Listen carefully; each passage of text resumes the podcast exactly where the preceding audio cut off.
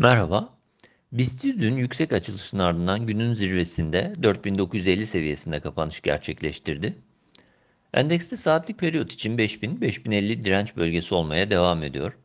Kısa periyotta yeni bir iyimserlik gelişebilmesi için bu bant üzerinde kalıcı hareket görülmesi gerektiğini düşünüyoruz. Endekste 50 günlük ortalama 5006, 21 günlük ortalama ise 5045 seviyesinde bulunuyor.